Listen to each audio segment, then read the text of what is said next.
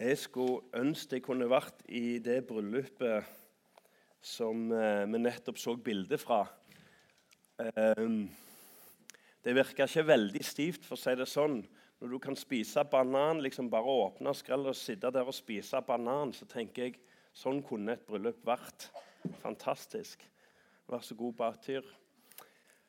Um, for par uker siden, tre-fire uker siden hadde vi en samling for, som vi kalte 'Misjonær i magen'. Eller 'Tenker du på å bli en misjonær', eller 'Er du interessert i misjon'? I det hele tatt eh, så møter du opp altså på bedehuset. Vi skal ha en ny sånn samling 31.10.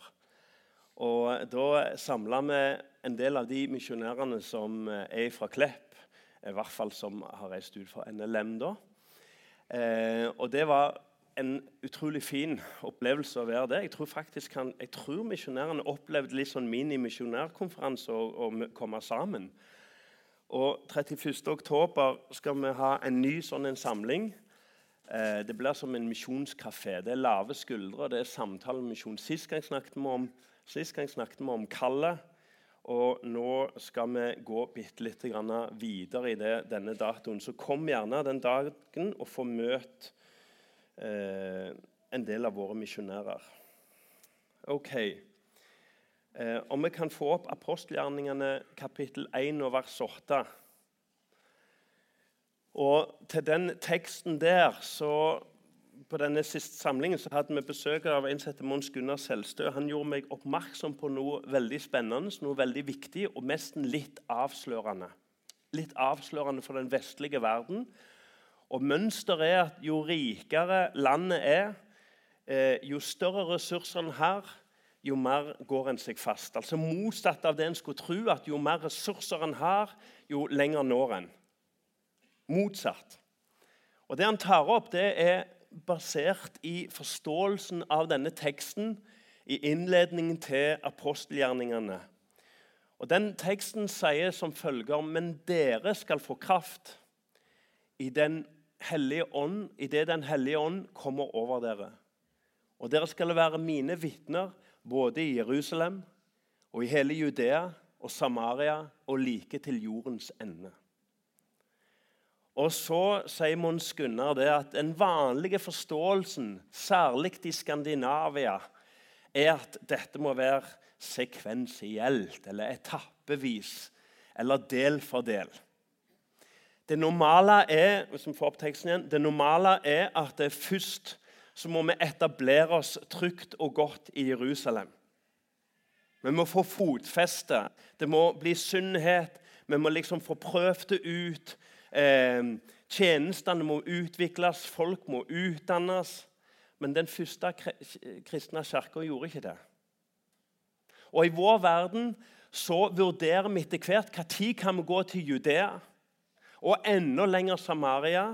Og når vi har gått alle disse trinnene, så en dag så skal vi gjøre det Jesus befalte oss, helt til jordens ende, eller til de fjerne strendene, eller det som vi gjerne kaller for unådde mennesker. Mennesker som aldri har hørt om Jesus Kristus, og lever i frykt. Husk på at Jesus sitt svar igjen og igjen var 'frykt ikke'.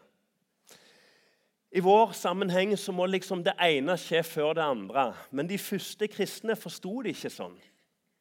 De første kristne de gjorde alt dette samtidig. Og Så sier Mons Gunnar at det som undersøkelser viser fra vestlige kirker, det er det at eh, når en begynner å tenke sånn steg for steg, altså må vi være Jerusalem først, så vil det fort utvikle seg legitime grunner til å bli der han er. Og Det er akkurat det som skjer med oss troende. Det er det at det, når vi ikke går i tro, når vi først og fremst skal ha kontroll, når vi først og fremst skal vite før vi går, så gjør vi ikke det Peter gjorde, som vi forteller om fra søndagsskolen, og tar et steg i tro fordi blikket vårt er, går ned på skotuppene og ser ikke framover. Hva var det vi hørte sist søndag med Thomas Neteland? Han angriper vår samtid, og så sier han tro er ikke så vanskelig, for den gir Gud. Det er den enkle delen. Det er Gud som skaper tro. Vårt utfordring, vår kamp, er blikkretningen. Og det som skjer for et fellesskap som først og fremst vil liksom, eh, holdt jeg på å si, eh, settle seg der en er, det er nettopp det at en går i menneskelig trygghet og ikke i tro. Jeg ønsker at Fokus hverdagsmenighet skal være et fellesskap som går i tro.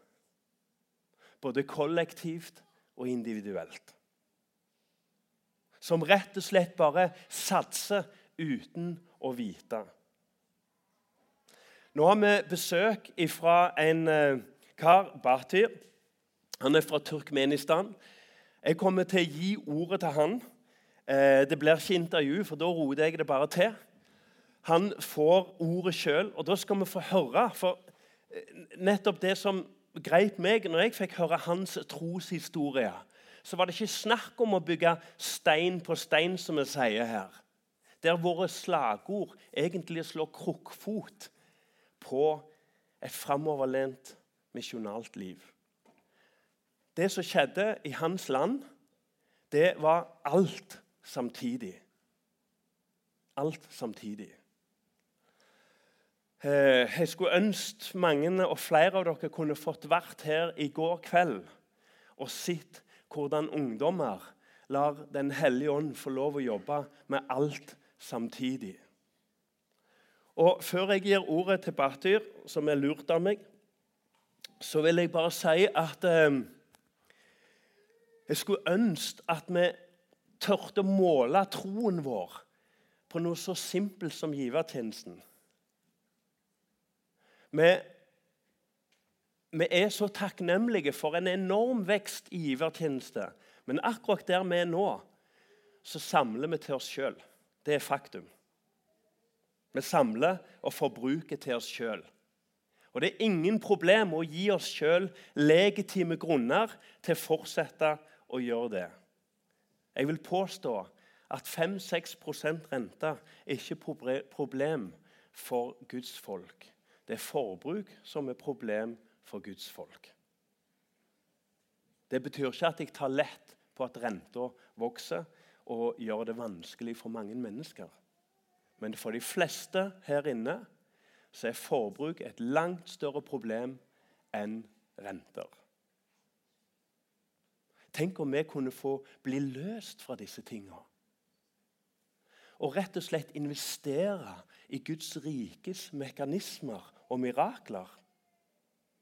Og så kommer vi inn i en tenking av 40, 60 og 100 fold. Sånn at ungene våre sitter hjemme og så stapper de en tikroning på bøssa. Og så kan vi lære dem at ti kroner i Guds rike det blir ca. 40 60 100 ganger mer enn når vi kjøper ei cola. Sånn er mekanismen i Guds rike. Batyr, vær så god. Du får et kart over landet ditt. Resten må du klare sjøl. Jeg håper det. Takk. Tusen takk, broder.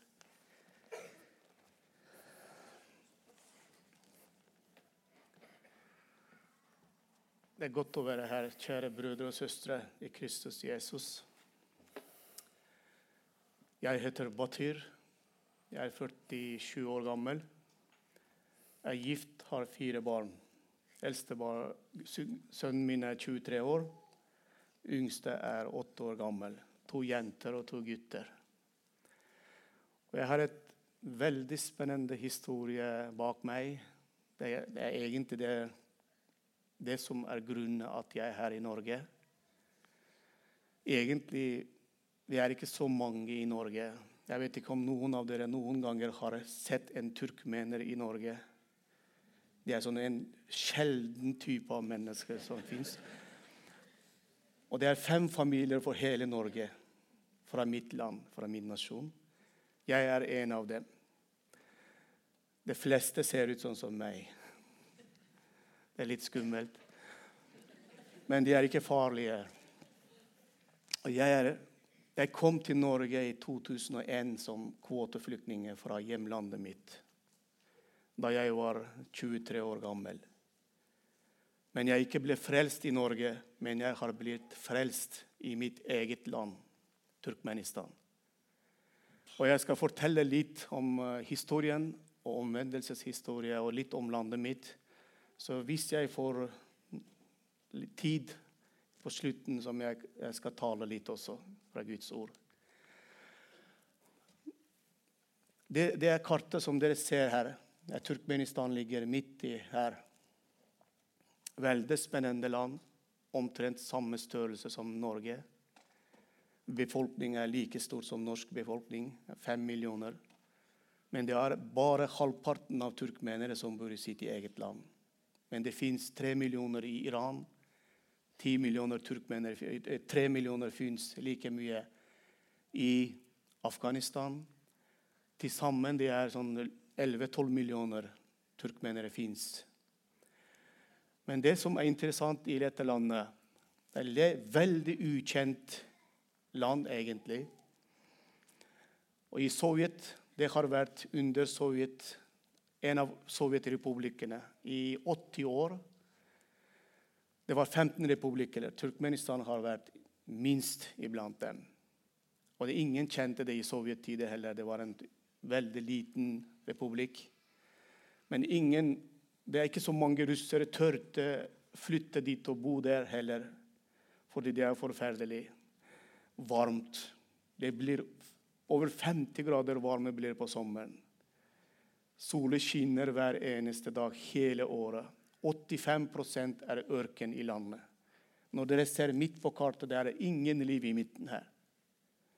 Bare på, i oasene der folk bor så tett. Midten av Turkmenistan er 85 er ørken. Men et spennende land med verdens fjerde med naturlig gass verdens fjerde. Først er Russland, andre er Qatar, tredje er Iran, fjerde plass med naturlig gass det er Turkmenistan. Og like mye olje og alt andre rikdommer. Men det er bare én mann som er rik i landet vårt. Det er presidenten. Som vår broder pastor sa, at det er ikke bare svarte farger. Ingen andre farger han liker, unntatt hvit. Hvis du har en bil som har en annen farge enn hvit, da du får ikke lov å kjøre den ut av din garasje. Hvis du vil kjøre bilen din i trafikken, da du må male det til hvit. For han liker ikke noen andre farger. Så det er når du kan tenke og lure på din ytre frihet. Når du ikke kan kjøre bil med den fargen som du liker, da det er veldig begrenset av din frihet. Og han bestemmer hva du skal spise, han bestemmer hva, hvilken musikk du skal høre. Han skal bestemme hvordan du skal tenke en gang. Så det er landet mitt, Turkmenistan. Og så vi har veldig populære naboer. Iran, Afghanistan. Når du finner dem, da du finner Turkmenistan.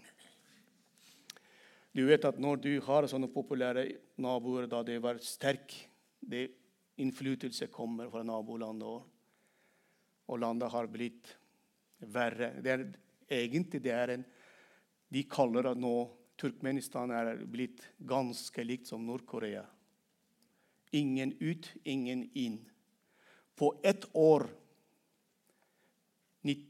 2019, før pandemi, har kommet 913 turister på ett år til et stort land. Du kan sammenligne hva det er. Og de alle sammen, det er 913 turister som har kommet inn til Turkmenistan. De er Nesten alle sammen er diplomater som gikk ut og inn. Ingen turister kom velkommen. Ingen med turkmenere ut heller. Og det fins ingen misjonærer i dag. I 2000, da jeg har blitt fengslet og torturert i mitt eget land, da alle misjonærene har blitt kastet ut av Turkmenistan. Nå fins ingen vestlige misjonærer i dette landet. Men historien med evangeliet er veldig interessant. Første turkmener i vår historie har blitt frelst i 1992. Ett år etter Sovjetunionen har falt. 1991 Sovjetunionen har falt, da alle disse 15 republikkene fikk selvstendighet på én dag. En stort jernteppe, en stor fengsel, det er Sovjetunionen, falt på en dag. Da alle 15 har blitt selvstendige, og Turkmenistan er av, Turkmenistan er en av dem. Men under sovjettiden, 80 år Evangeliet har ikke vært der. Jo, har vært der. Det var noen små, små russiske menigheter var der. Men det som er interessant Over 95% innbyggere er turkmenere, men ingen turkmenere har vært frelst i sovjettiden. Og hvis du går tilbake til 700-tallet, før islam kom, da hele nasjoner har vært en sjamanister. Når islam kom på 700-tallet, da evangeliet er helt stengt. Og det i vår historie vi, vi har ingen skriftlig eller muntlig beskrivelse av historie. Alle sier at det aldri har vært turkmenere kristen. Og de aldri har hørt hva som står i Bibelen. Evangeliet har vært helt ukjent. Dette er en av de minst evangeliserte eller unådde folkeslag i dag i verden. Hvis du ser på Afrika, f.eks. Afrika, Hvor mange hundre år misjonærene ble sendt fram og tilbake til Afrika? Noen afrikanske land i dag har mye mer kristne enn i Norge.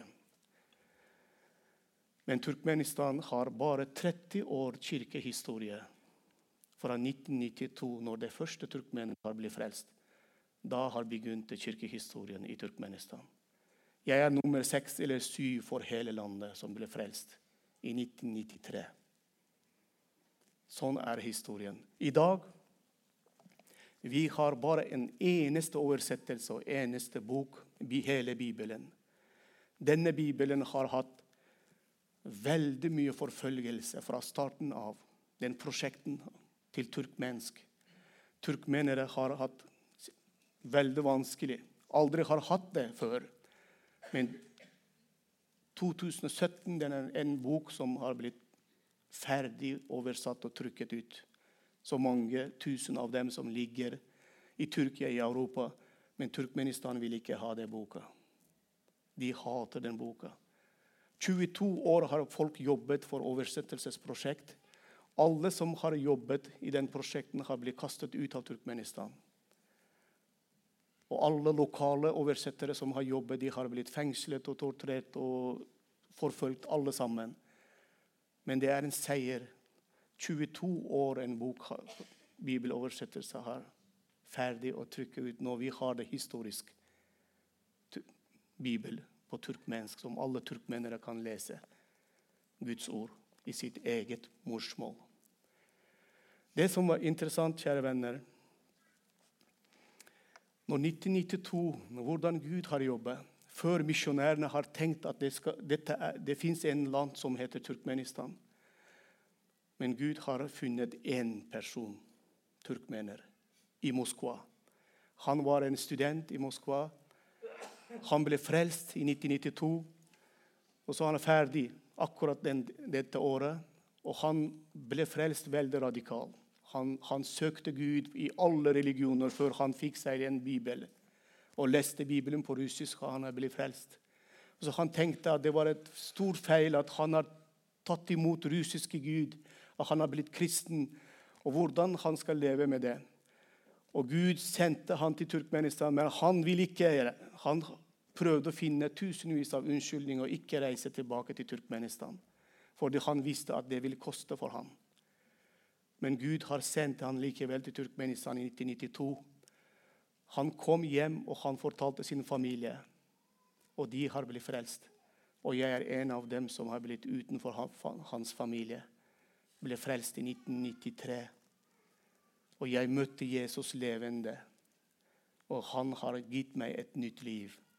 Fra den tiden, etter at jeg møtte Jesus og ble kristen, Nei, jeg, jeg, ikke har tenkt at jeg skal bli kristen. Jeg, jeg, jeg aksepterte Jesus og ble frelst. Og jeg trodde at han er en verdens frelse. Han er vår Herre. Han døde for mine skyld. Han reiste opp fra døden den tredje dagen. Og jeg ble radikalt akseptert Jesus. Og så jeg har skjønt at det var feil. At jeg ble kristen.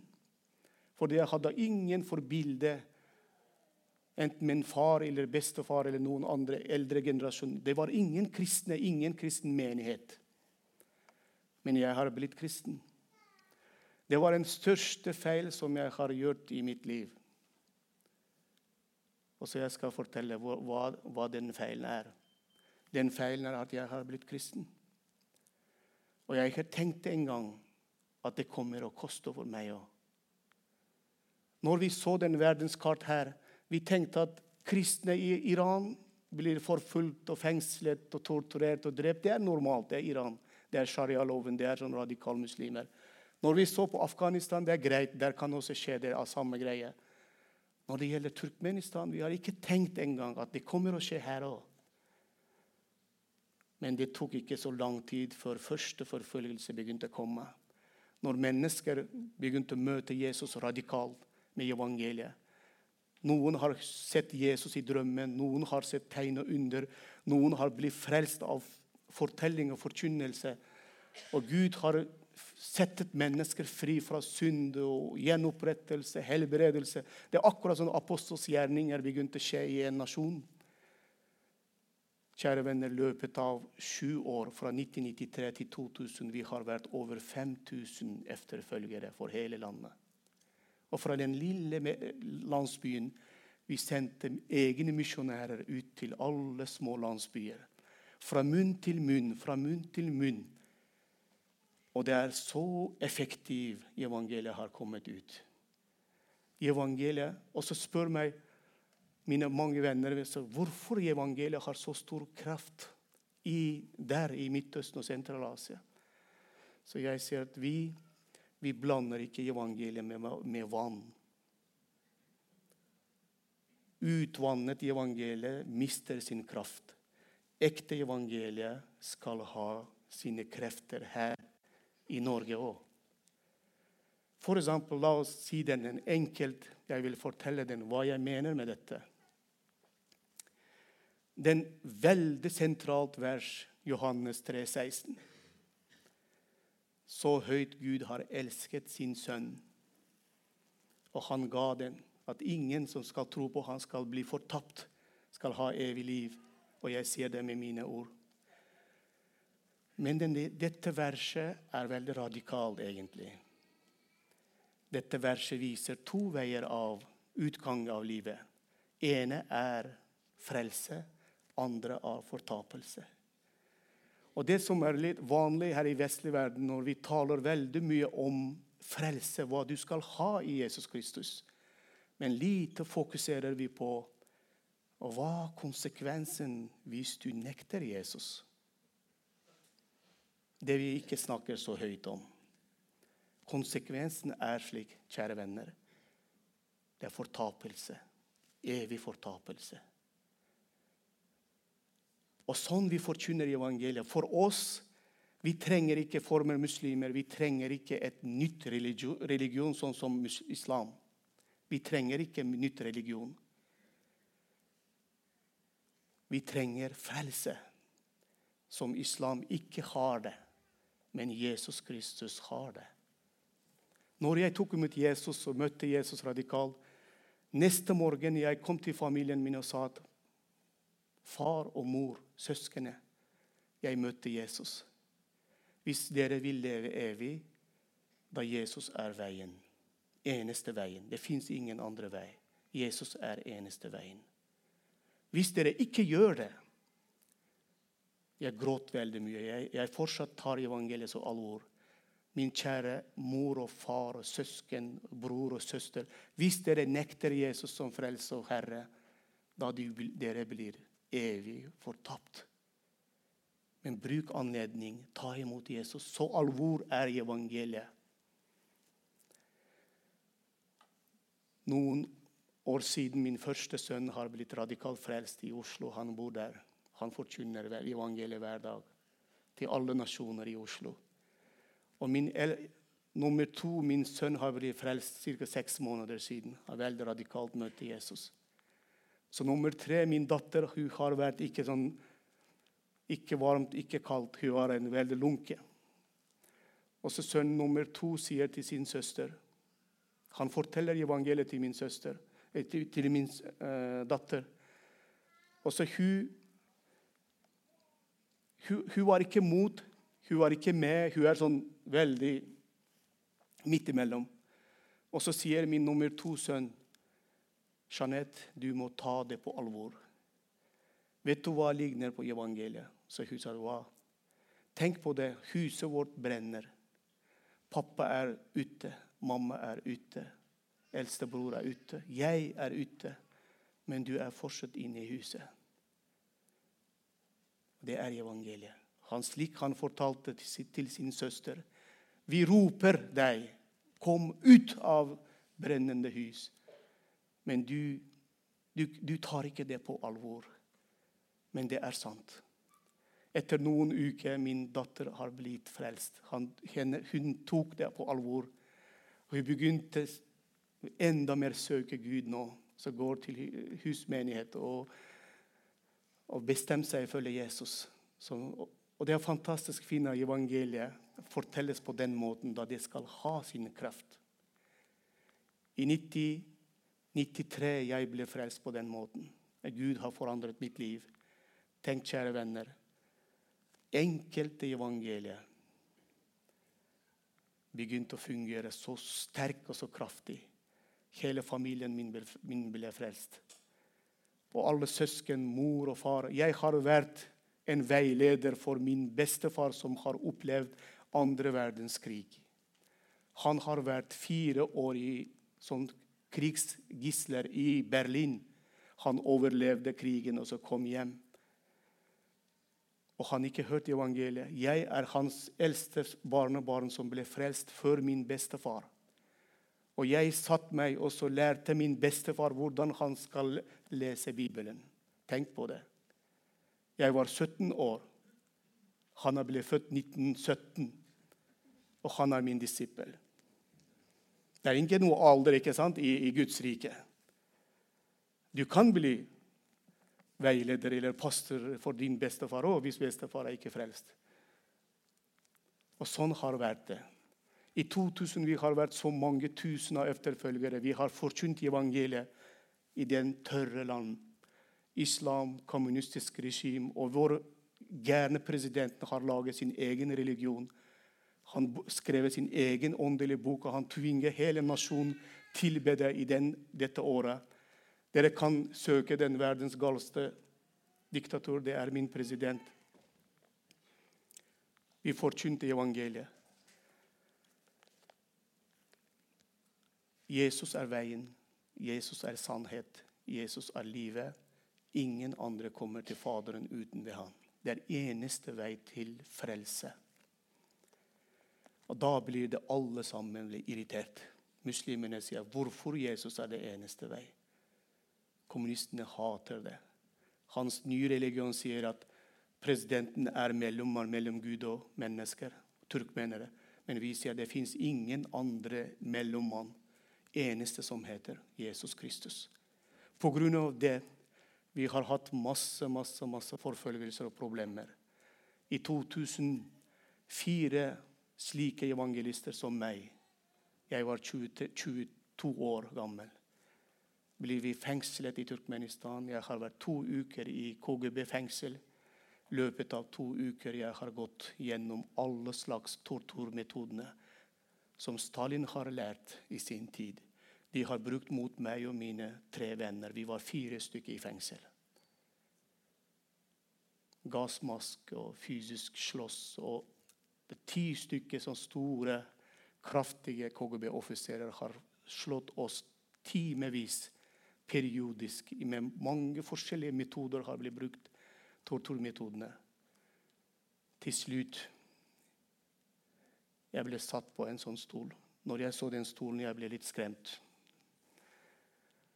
Jeg har vært på en elektrisk stol, har fått elektrisk sjokk mange mange, mange ganger pga. min kristne tro og forkynnelse. Og det kom til sånn at jeg ble knekt, og mine venner vi var ble knekt totalt.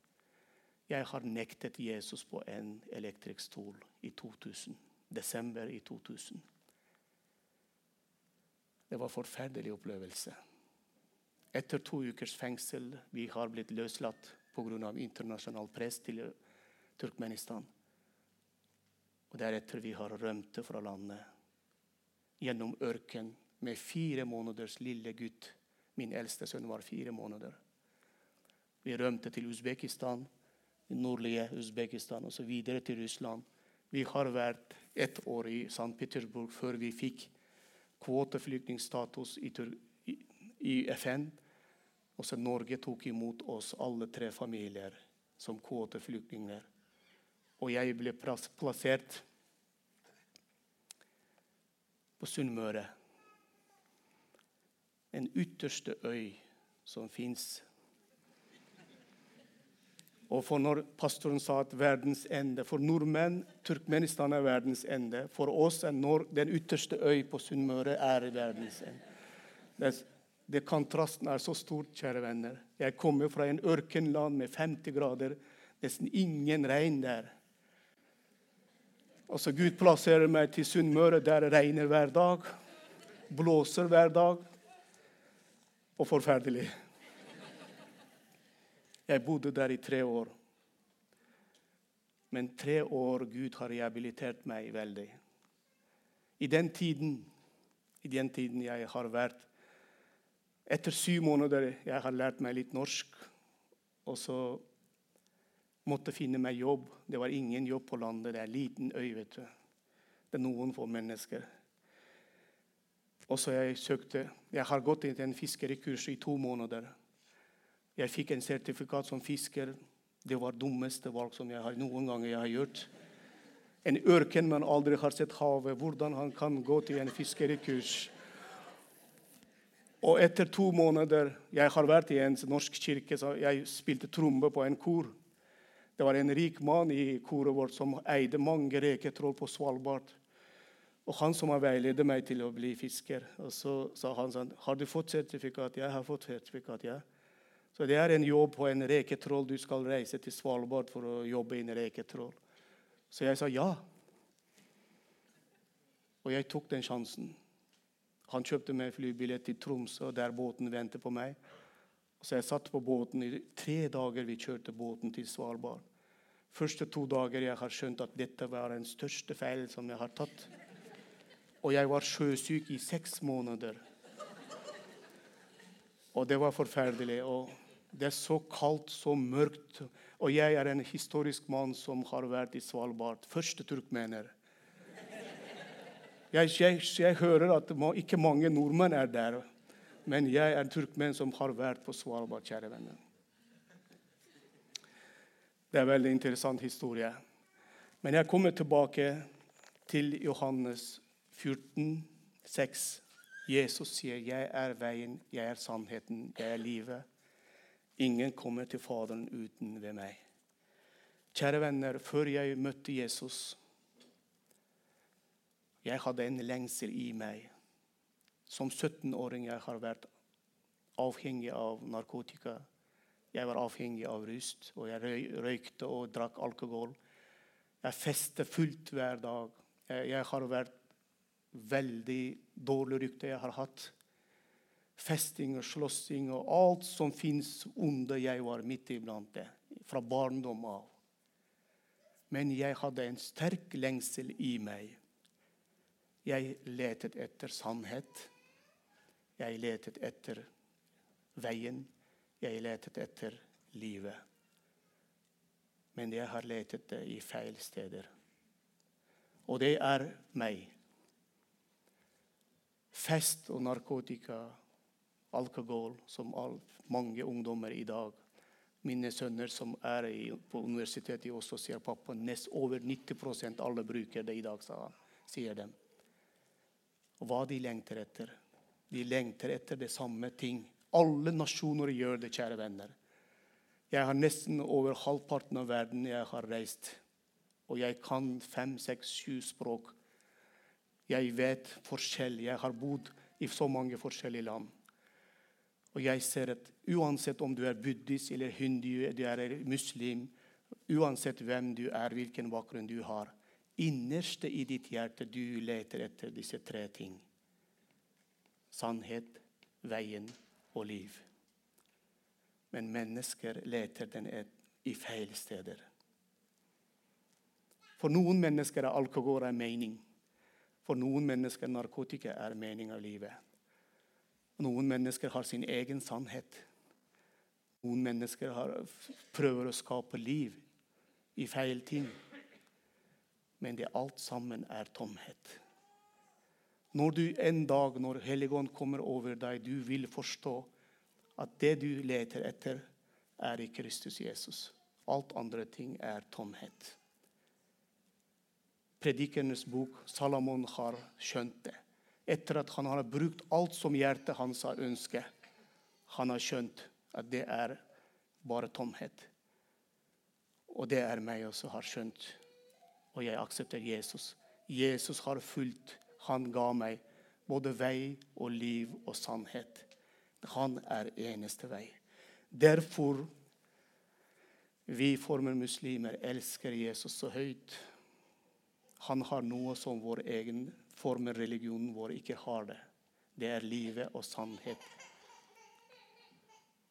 og veien. Derfor vi vil betale høy pris for, for Jesus. Kjære venner, jeg, jeg, jeg, må avslutte. Jeg ser at jeg har noen sekunder igjen. I 2010 jeg har fått min norsk pass. Ti år jeg bodde i Norge uten noe identitet, uten dokument. 2010 jeg har fått norsk pass, og jeg ba til Gud led meg til min nasjon. Og jeg flyttet til Tyrkia som menighetspastor. Det var ingen menighet. Jeg flyttet dit, og så det var spontant jeg startet starte menighet, som er ti år gammel nå. I Istanbul vi har gjort siste ti år en revolusjon. Største menigheten i Tyrkia per i dag er menigheten som jeg har vært pastor i de siste ti år. Vi har satt opp sånn dynamisk menighet som all, hver eneste person, både kvinner og menn, uansett hvilken alder de er, alle sammen går ut med evangeliet, når sine egne. Fordi vi tar evangeliet på alvor. Det er evangeliet det er valg, liv eller død. Løpet av ti år har, har vært fantastisk fine vekst i, iblant muslimer. Jeg, var, jeg ledet den bevegelsen. I fjor tyrkere har kastet meg ut av Tyrkia. Jeg kom tilbake til Norge i fjor september. og De har tatt på håndjern på meg på flyplassen. De ledet meg fra en annen vei til fly. Også med sikkerhetsmanner de har sendt meg ut av Tyrkia, som er svarteliste. Jeg er ikke velkommen lenger. Så lenge Erdogan er der, jeg er ikke velkommen. Men menigheten er der fortsatt. Nå det blir det sånn Turkmenistan har kastet meg ut. Jeg har vært i fengsel i Afghanistan i 2006 pga. evangeliet. Nå Tyrkia har kastet meg ut.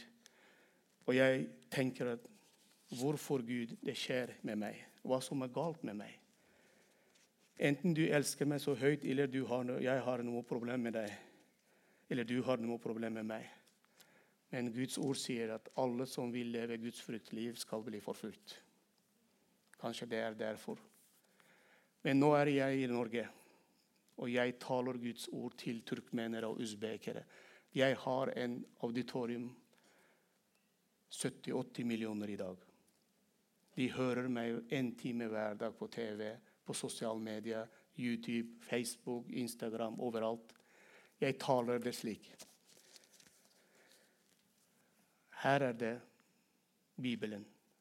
Muslimene tror at det fins fire bøker fra, fra Gud, fra Allah, sier dem. Taurat, Zabur, Injil og så Koran. Koran kommer 600 år etter Kristus, men første tre boka er her. Men de aldri har sett denne boka, de aldri har lest denne boka. De skjønner ikke engang hva som står her inne. Men på TV jeg sier at her er det boka. Denne boka, alle profetier snakker om Jesus Kristus, som er verdens frelse. Alle nasjoner kommer å bli frelst ved hans navn. Og han kommer å dømme både levende og døde. Han er herre, har all makt, både himmel og jord. Alle mine, mine programmer har denne messagen inne. Hvert program som jeg lager på TV, er, har samme message. Jesus er frelse, Jesus er løsning. Og det gjør jeg fra Norge òg. Fra, fra, stuen min jeg taler til millioner mennesker i dag. Og så bygger menighet, hjelper til alle innefødte misjonærer i Turkmenistan. Og Det er, en ting som inspirerer oss alle sammen. Matteus 24, 14, kjære venner. Når dette evangeliet skal forkynnes til alle folkeslag, da kommer enden, står der. Og min del er det turkiske nasjoner som er en av de unådde folkeslag i verden i dag. Og jeg har en stor drøm for at hver turker vil høre evangeliet, sanne evangeliet om Jesus Kristus. Det jeg ofrer mitt liv hvis det er nødvendig for. Takk. Min tid er mange minutter over, tror jeg. Jeg er ferdig. Jeg beklager for.